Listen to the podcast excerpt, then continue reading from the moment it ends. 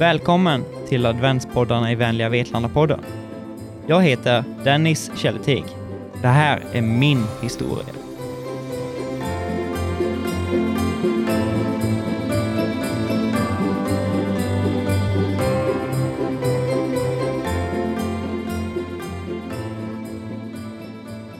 När jag 2018 gick i mål på min debut på 100 miles distansen på Hawaii så var det på en tionde plats på världens mest tekniska ultralopp, Hurt 100, med ett startfält som var det bästa på flera år.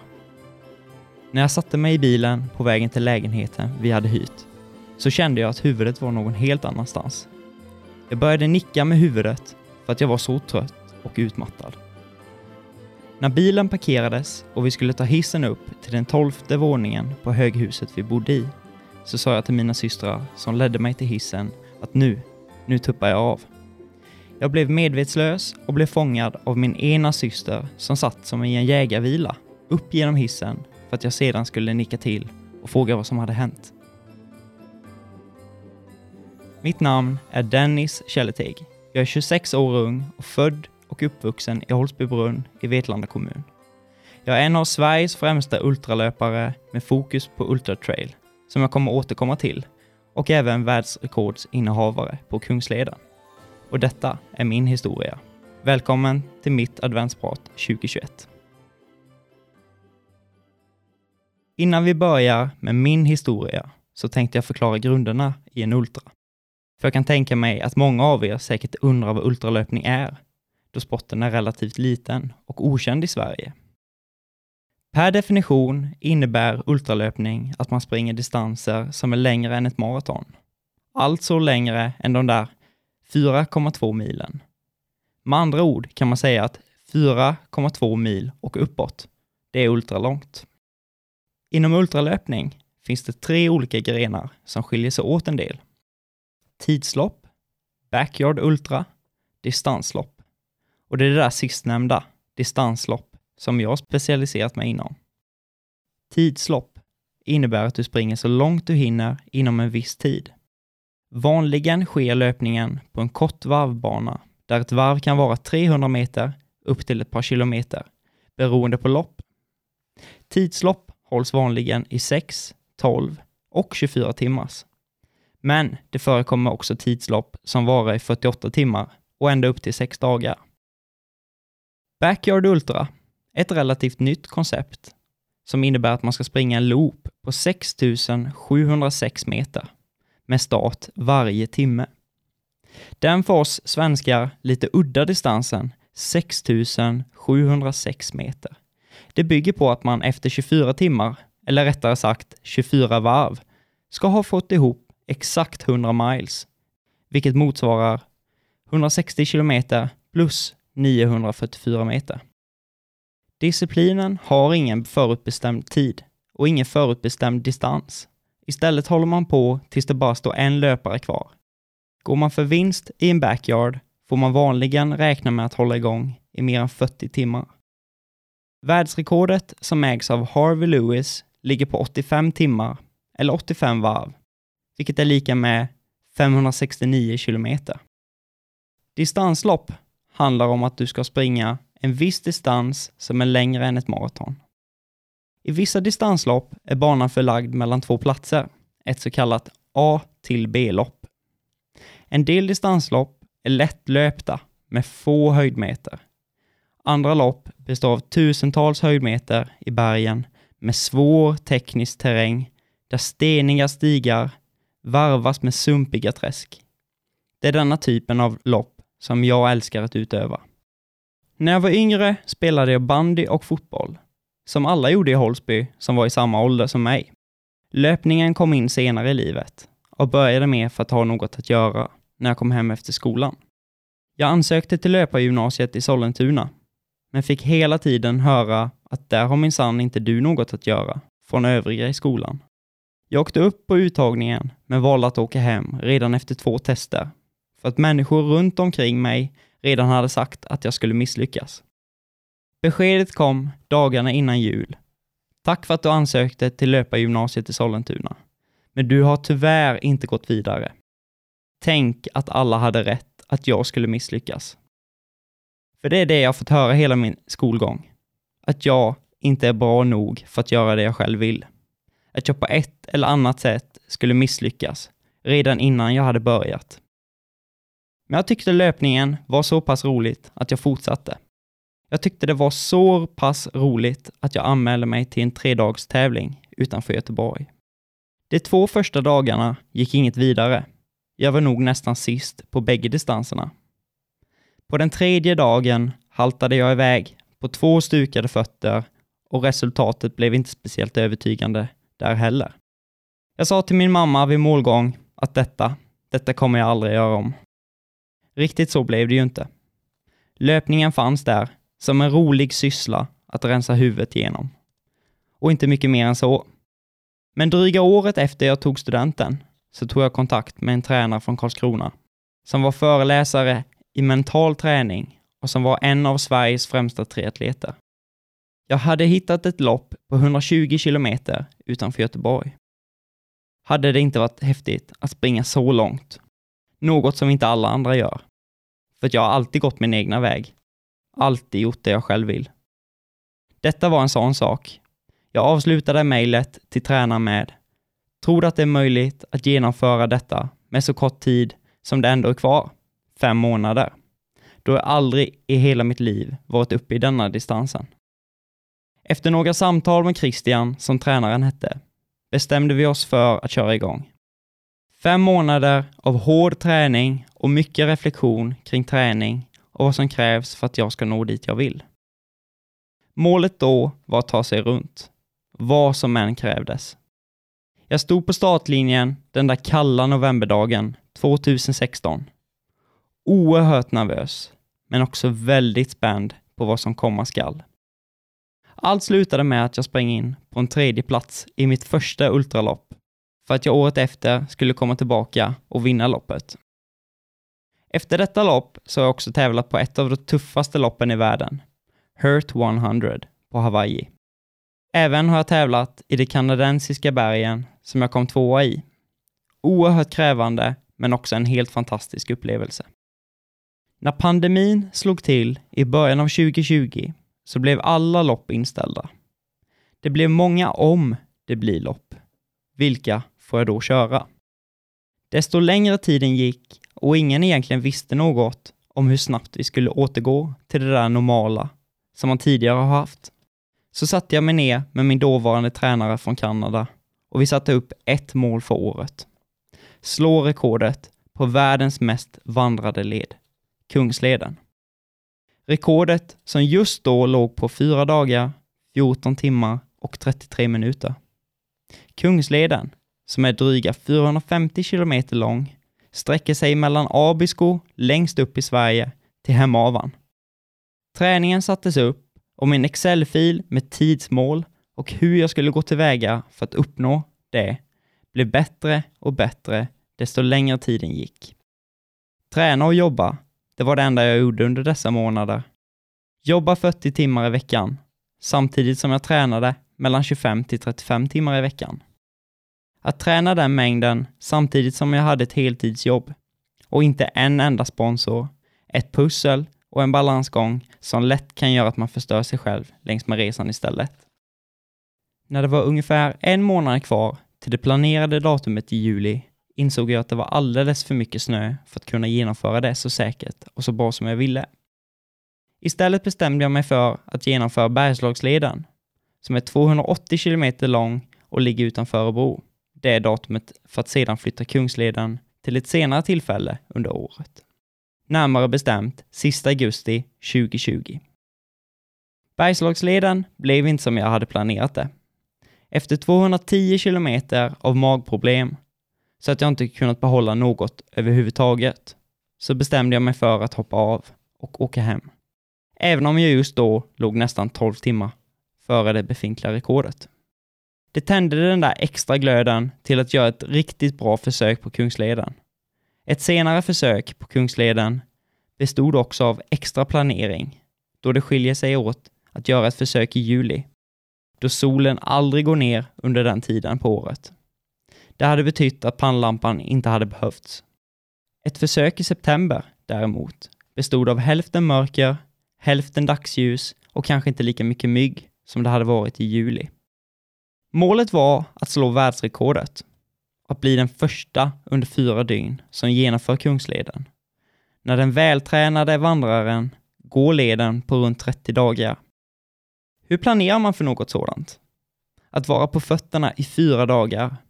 Att tiden jag pausar, äter, sover också räknas in i den totala tiden. Att jag ska planera in sju olika båtpassager längs vägen. Nej, det är inte helt lätt, utan det är ett pussel som krävde x antal timmar att läsa på och göra min hemläxa jag skaffat mig efter att jag bestämde mig för att ta mig an detta äventyret, som det faktiskt är. 31 augusti 2020 klockan 18.00 stod jag vid Abiskos fjällstation. Redo, men också väldigt rädd för vad som skulle kunna hända. Själv, mitt ute i ingenstans. Men det är det där man gör med skräckblandad förtjusning, är det som utvecklar oss som människor. Rädslan att vara utom räckhåll för täckningen i Sverige.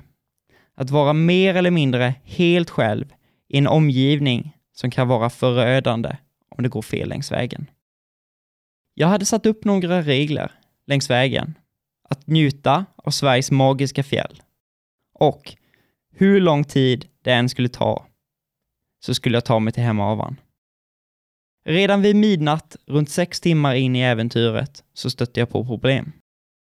Jag hade tio minuter innan gått slut på vatten. Så jag drog upp mina filterflaskor ur min löparryggsäck som jag hade packat tillsammans med mängder av godis, gels, sportdryck, varma kläder, satellittelefon och all säkerhetsutrustning som jag kände att jag var tvungen att ha med mig. Jag tog av mig mina vantar för att skruva av locket på mina flaskor så att jag skulle kunna fylla dem i en liten pålande stråle av vatten som kom från en bergstopp. Just då tänkte jag att jag aldrig varit så frusen i hela mitt liv. Satte snabbt på mig mina vantar, satte i mina flaskor i ryggsäcken och fortsatte svagt uppåt. När jag väl nådde slutet på klättringen så frös jag ännu mer. Jag halkade till på den där frysta ytan som jag satte mina skor på. Jag slog i mitt knä i en stor sten och tänkte för mig själv att nu, nu blir jag kvar här. Jag böjde på knät och kände att det gjorde väldigt, väldigt ont. Med pannlampan försökte jag lokalisera vart jag var. I regnet och de kalla vindarna så kom jag på att några mil in så skulle jag komma till Kungsledens högsta punkt, Käktastugan. Det visade sig att det var just denna platsen. Jag bestämde mig för att ta mig ner längs med leden så fort jag kunde för att komma undan kylan på den absoluta högsta toppen. Ett knä som blev värre och värre desto längre jag sprang, men något som ändå gick att hantera tills jag kom runt 300 kilometer in på resan. Efter dryga 250 kilometer så hade jag och min syster bestämt att var jag så trött så att jag inte kunde stå upp, då skulle hon springa med mig i mörkret. För att kunna distrahera, prata med mig och hålla mig i rörelse samtidigt. När jag nådde 250 kilometer vid Jäckvik så var jag så trött att benen gick efter mig. Knät gjorde fruktansvärt ont, så att jag inte kunde springa nerför eller när det var platt. Efter lite lätt vila med att fylla på ryggsäcken med ny energi, ta ny powerbank och byta batteri i min pannlampa, så gav vi oss ut tillsammans de där två milen till Adolfström. Jag kan inte minnas vad vi pratade om, eller om vi pratade överhuvudtaget. Men det jag minns från detta är att vi gick runt i en cirkel när vi tappade bort vart leden gick. Inte nog med att vi inte hade en aning om vart Kungsleden fortsatte, så väckte vi också en man i ett tält mitt i natten med våra pannlampor lysandes in i hans tält. De där två milen så gick vi stora delar väldigt, väldigt långsamt. Det tog oss närmare fem timmar att ta oss 20 kilometer denna sträckan. Knät gjorde ont, jag hade inte sovit på närmare tre dagar och inte ätit riktigt på bra länge. När skylten 80 kilometer, Hemavan, kommer så vet man att man är i Ammarsnäs. Där blev den där sockriga buffén, ett par kokosbollar och lite andra sötsaker som gjorde gott för själen just då. Mörkret hade kommit och jag skulle ut på de där sista milen. Åtta mil, närmare bestämt. Tröttheten var där hela tiden. Kroppen kämpade emot och allt kändes som att det gick mot mig istället för med mig. Min mamma såg hur trött jag var och det sista hon sa när jag lämnade Ammarsnäs var Gå inte och lägg dig någonstans nu. Efter två mil in på denna sträckan var jag så oerhört trött så att jag somnade vid varje steg jag tog. Ögonen slocknade varje andetag och jag tänkte att det är en enorm skaderisk om jag trillar och slår i stenarna. Så jag bestämde mig för att ta upp min nödsovsäck, som jag också hade nedpackad i min väska, och försöka vila i 20 minuter. Jag kröp ner i min sovsäck i regnet mitt i natten längs med stigen, ställde mitt alarm på telefonen. När telefonen ringde så kände jag att, mm, 20 minuter till, det hade gjort susen. Efter två gånger 20 minuter packade jag ihop min sovsäck och drog iväg. Mer utvilad än vad jag någonsin varit tidigare. Regnet öste ner, men jag rörde på mig hela tiden. När det återstod lite drygt två mil så kände jag mig fräschare än vad jag tidigare varit. Så någonstans flöt allting på hur bra som helst de sista två milen. Jag sprang fortare än vad jag gjort någon gång på detta äventyret. Kanske för att jag var så trött, så att jag ville att allting skulle vara över så fort jag kunde. Men en stor del var att det fanns en möjlighet att komma under tre dagar, 20 timmar. Men då, då var jag tvungen att öka farten. Jag korsade skylten Kungsleden i Hemavan efter en totaltid på tre dagar, 19 timmar och 55 minuter. Ett nytt rekord på världens mest vandrade led. Ett mål och en dröm som gick i uppfyllelse. En rädsla som gjorde att jag höll mig i rörelse mer eller mindre hela tiden. De där tunga stunderna när man tvekade på sig själv och när man mest av allt bara ville lägga av. Den fanns där så otroligt många gånger, men jag lät det inte ta överhanden. Efter en lång resa direkt hem, med svullna fötter, en trött kropp och ett svullet knä, så gick det inte sova på flera dagar. Om jag kunde sova två timmar per natt så var det bra. Men mer än så gick det inte på någon vecka. Jag valde att kolla upp mitt knä. När jag hade röntgat mitt knä så kom sköterskan ut och sa ingen spricka. Du kan åka hem. Men när jag dagen efter precis skulle sätta mig på min cykel för att försöka få igång mina ben igen, så ringde läkaren jag först hade tagit kontakt med. Det finns en liten spricka där ändå, så jag vill att du ska vila i minst sex veckor för att sedan börja med lätt aktivitet som cykel. Och då var det just det där knät som jag alltså redan hade sprungit 40 mil med, med en liten, liten spricka. Ultralöpning är lite som livet. Livet går som en berg och dalbana. Ibland kan man gå riktigt djupt in i den där hemska platsen som människor kallar the pain cave, eller rättare sagt grottan. Men helt plötsligt står man där på toppen och man kan inte förstå hur man kunde varit längst ner på botten. Alla har mindre bra perioder i livet. Likadant om du springer. Det är inte alltid kul. Som att strikt följa ett träningsschema till exempel. Men jag tror att om man ger sig själv de verktygen att våga göra det som är läskigt, så tror jag att man kommer komma mycket starkare ur det.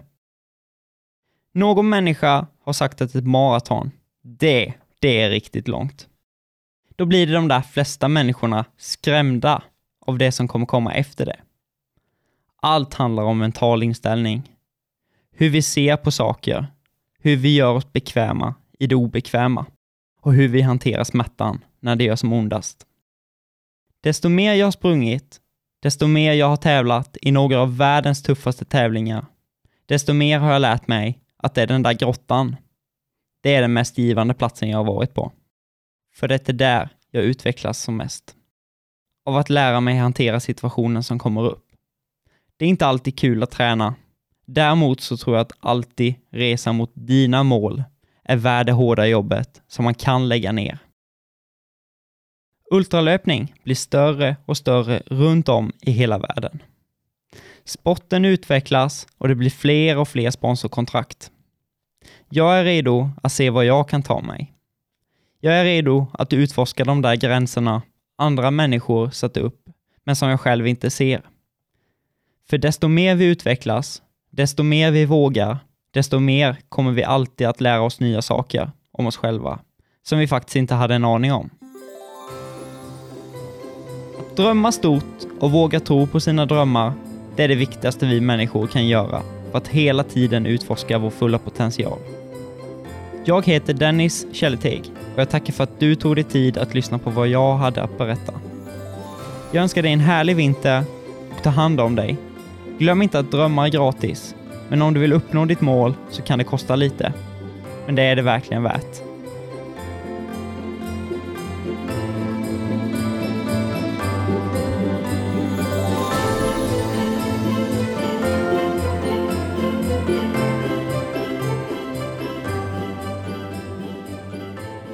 Du har lyssnat på adventspoddarna i vänliga Vetlanda-podden.